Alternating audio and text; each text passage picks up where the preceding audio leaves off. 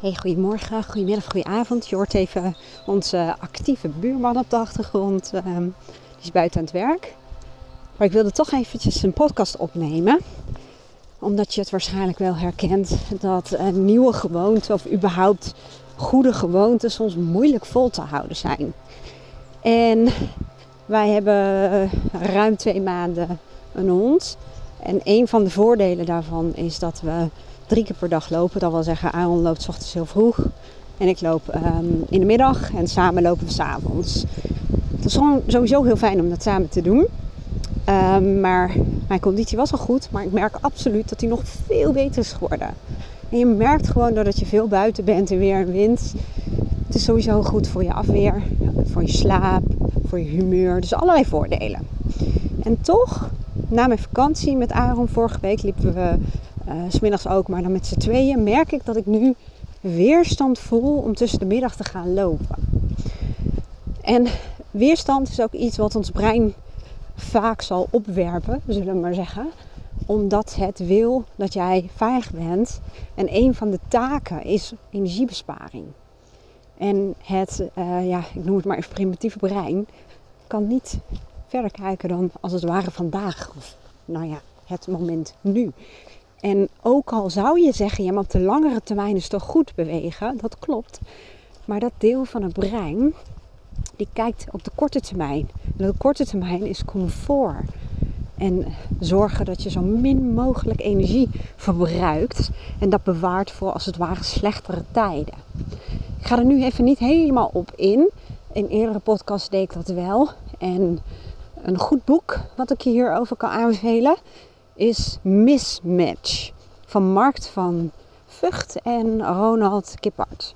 Echt een aanbeveling, echt super. Ik, ik lees zelden een boek twee keer, maar deze heb ik echt twee keer gelezen.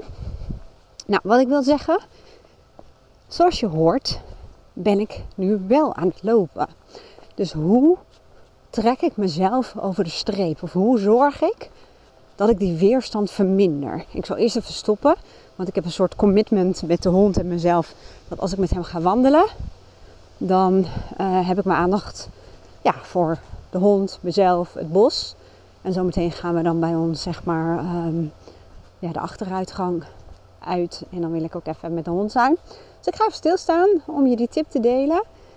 Maar ik heb het heel vaak over visie. En ja, dat gaat wel over een langetermijnvisie. En dat gaat ook over wilskracht. Maar het helpt wel enorm als je een duidelijke visie hebt, een duidelijk beeld waarvoor je dingen doet. Dingen die voor je brein als oncomfortabel voelen. En dus eigenlijk een seintje zijn om uh, nou ja, in de weerstand te gaan.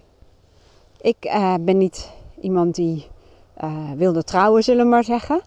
Maar ik weet wel van heel veel vrouwen dat bijvoorbeeld hun trouwdag een hele belangrijke um, motivatie is om bijvoorbeeld voor die tijd slank te zijn. Of in elk geval een bepaald figuur of gewicht te bereiken om in die jurk te passen. Of wat je ook wel hoort, uh, de bikini-tijd. dus je hebt bij die trouwerij echt een beeld en waarschijnlijk de jurk ook al uitgekozen. En je bent emotioneel betrokken bij, als het ware, dat doel. En dan zie je dat mensen het vaak makkelijker kunnen volhouden. Of überhaupt kunnen volhouden. Omdat ze gemotiveerd zijn en omdat ze een heel duidelijk beeld, een visie hebben waar ze emotioneel bij betrokken zijn. Nou, ik heb dat gedaan voor wat betreft uh, de hond. Want ik heb een heel duidelijke visie over gezondheid en vitaliteit. Ik ben nu 46 en ik realiseer me eigenlijk al jaren dat, um, ja, dat, dat als je heel oud wil worden en ook nog vitaal oud wil worden, dan begint dat nu.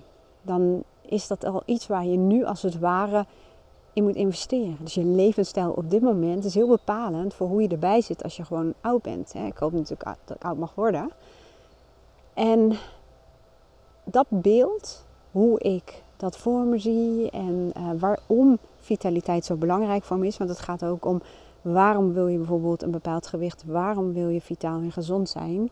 Uh, dat, dat, dat wil je wel ergens voor. En ik heb echt zo'n beeld hè, dat, dat ik met Aaron bijvoorbeeld veel loop en wandel en met mijn kinderen en kleinkinderen gewoon wil spelen en een hoop energie wil hebben. En ik weet gewoon als ik lichamelijk gewoon een hoge energie heb en, en veel buiten ben, veel wandel, dan slaap ik gewoon beter. Ik voel me beter, ik voel me fit. Mentaal ben ik scherper. En door daar een beeld bij te hebben, merk ik gewoon dat uh, keuzes om bijvoorbeeld nu weg te gaan en mijn uh, horloge aan te zetten met een uh, tracking, want dat, ik hou wel van grafiekjes en dergelijke.